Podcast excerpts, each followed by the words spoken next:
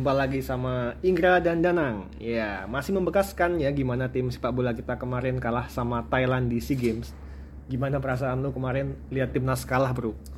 Ya sedih pastinya bro Tapi anehnya ya Gue udah ikhlas gitu kemarin kalah itu Kayak udah gak nyesek gitu Sudah terlatih patah hati Besek. Kayak lagu aja ini ya bro Yoi. Tapi kalau dipikir-pikir lagi, prestasi timnas sepak bola negeri ini tuh kayak roller coaster, Bro, naik turun. Tapi lebih sering turunnya sih, nggak naik-naik. Tapi jangan salah bro Di tingkat Asia dan ASEAN Timnas pernah disegani di masa Orde Lama dan Orde Baru Pada periode tahun 70 sampai dengan 90-an Memang sih, memasuki abad ke-21, timnas Garuda kayak kehilangan tajinya. Bak macan ompong yang paling parah nih pada 2016, prestasi timnas terburuk di posisi ke-180 dunia. Buset. Ini, terendah ya, Bro ini. Ini paling rendah ini. Tapi untungnya sekarang udah naik sih ya bro ya, nggak 180 ya ini. Iyalah. Ini harus maju lah kita sebagai eh, pecinta bola ini harus optimis sama timnas kita meskipun dulu pernah terendah kayak gini ya harapannya kita kan harus naik bro Oke, berarti percaya dengan Sintayong ini bro ya. wah ya mudah-mudahan nggak diganti sih Meski begitu bro ya, Indonesia ini pernah mengikuti gelaran Piala Dunia. Pada tahun 1938, timnas Indonesia turut berlaga di Piala Dunia Prancis. Nah, belum tahu kan ini bro ya. Tapi mereka tidak pakai nama Indonesia, tetapi nama Hindia Belanda. Karena saat itu wilayah Indonesia masih menjadi jajahan pemerintah kolonial Belanda. Fakta ini ternyata diakui oleh FIFA dalam web websitenya yang menerangkan bahwa Indonesia adalah negara Asia pertama yang pernah mengikuti gelaran Piala Dunia. wis cakep Keren kan ini? keren dong Namun, sejarah perjalanan Indonesia untuk mengikuti Piala Dunia yang saat itu digelar di Prancis tidaklah mudah. Ada cerita tersembunyi yang belum diketahui oleh banyak orang terkait dengan sejarah sepak bola Indonesia ini.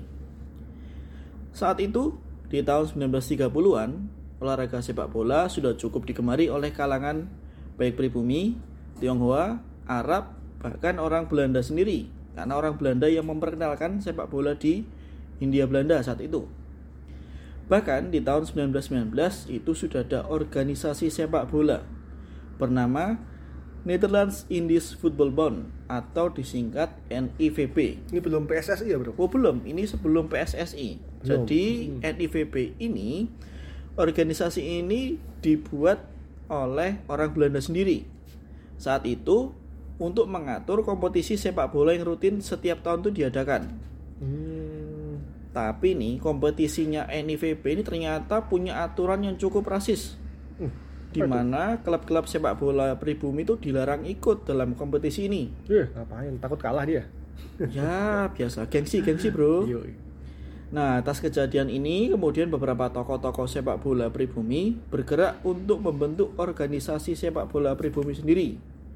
Maka pada tanggal 19 sampai 20 April 1930 di Yogyakarta didirikan sebuah organisasi yang bernama Persatuan Sepak Raga Seluruh Indonesia atau saat ini dikenal dengan PSSI. oh jadi ini cikal bakalnya PSSI ya bro Iya ya benar, tapi saat itu namanya Persatuan Sepak Raga. sepak raga masih Iya. belum baku nih Belum, tapi nanti ketika sudah merdeka namanya diganti menjadi sepak, Sepak bola. bola. Jadi Persatuan Ya. Sepak Bola Seluruh Indonesia.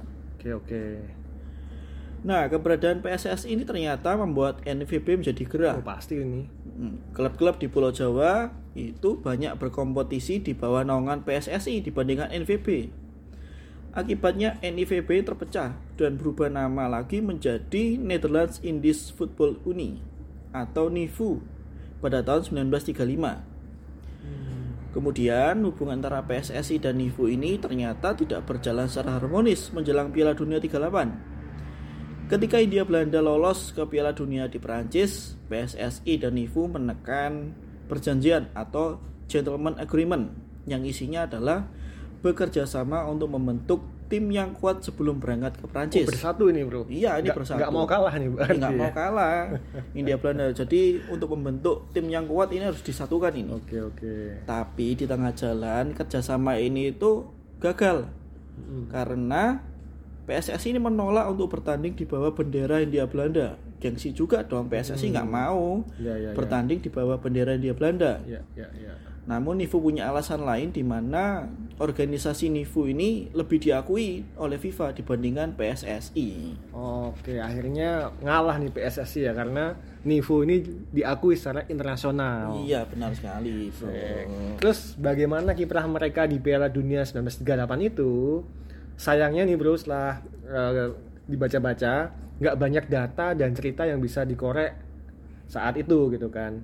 Tapi dari data yang ada, kejuaraan dunia waktu itu masih diikuti sedikitnya sekitar 16 peserta dan sistem yang dipakai itu knockout, sistem gugur. Oh, langsung gugur. Ya, Tidak ada grup ya ini? nggak ada cuma 16 16 tim terus dia langsung tanding Eh, ada undian gitu satu kali bertanding kalau kalah udah pulang gitu kan nah Hindia Belanda diakui FIFA sebagai negara pertama Asia yang tampil di Piala Dunia nah menariknya nih di tengah menguatnya paham fasisme di dunia mereka menjadi satu-satunya tim multi etnis dari total 16 tim yang ada waktu itu Oh, keren banget ini. Ya jadi bayangin aja dari semua tim itu ada apa orang bule, ada orang lokal, dicampur-campur kita jadi kayak tim yang benar-benar multi etnis.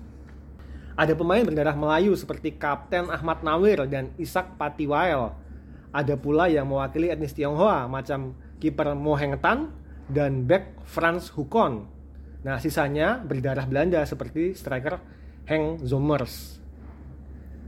Gak seperti saat ini, tim Hindia Belanda tidak perlu susah payah melewati babak kualifikasi terlebih dahulu.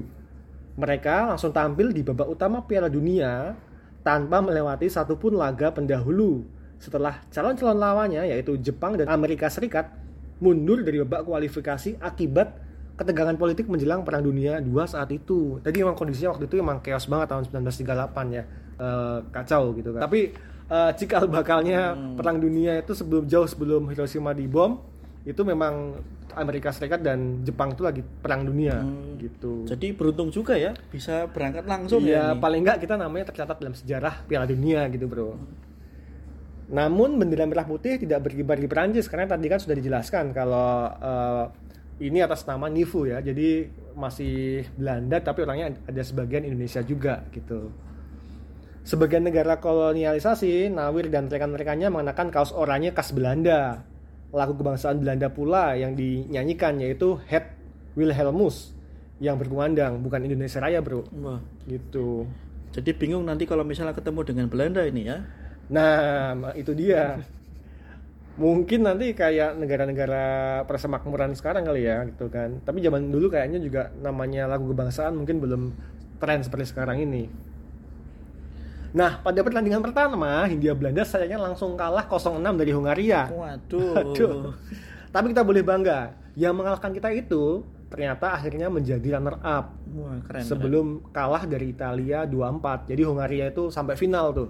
Tapi dia kalah sama uh, Italia 2-4. Bayangin kalau si Hungaria ini menang. Wah, kita berarti uh, andai kan waktu itu kita menang lawan Hungaria, mungkin yang juara Hindia Belanda. Jadi ceritanya bisa berubah, Bro. Lalu setelah Hindia Belanda kalah, apa yang dilakukan timnas kita?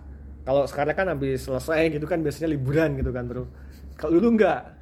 Kalau dikutip dari Java Post Internasional, setelah kalah, tim Indonesia langsung kembali ke tanah air. Dan itu memakan perjalanan berbulan-bulan dengan kapal baluran. Wah, berbulan-bulan gimana nggak bosan mereka ya? Baru nyampe, kalah, capek, sedih, pulang langsung nggak ada liburan Wah. gitu bro.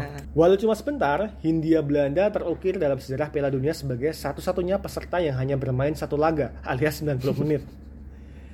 Tapi penampilan tim Indonesia ini menyisakan kenangan mendalam bagi banyak pihak. Contohnya, wali kota Reims, Perancis yang menyaksikan laga Hindia Belanda kontra Hungaria itu menyebutnya sebagai duel para kurcaci versus raksasa. Jadi David versus, versus Goliath nih bro.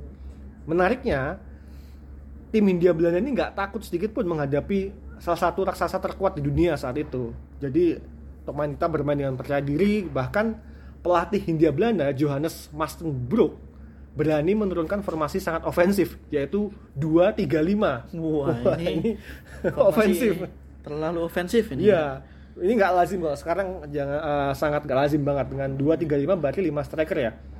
Lini bertahan tim itu hanya menyisakan duet back Hukon dan Jack Samuel serta kiper Heng Tan yang juga merangkap libero.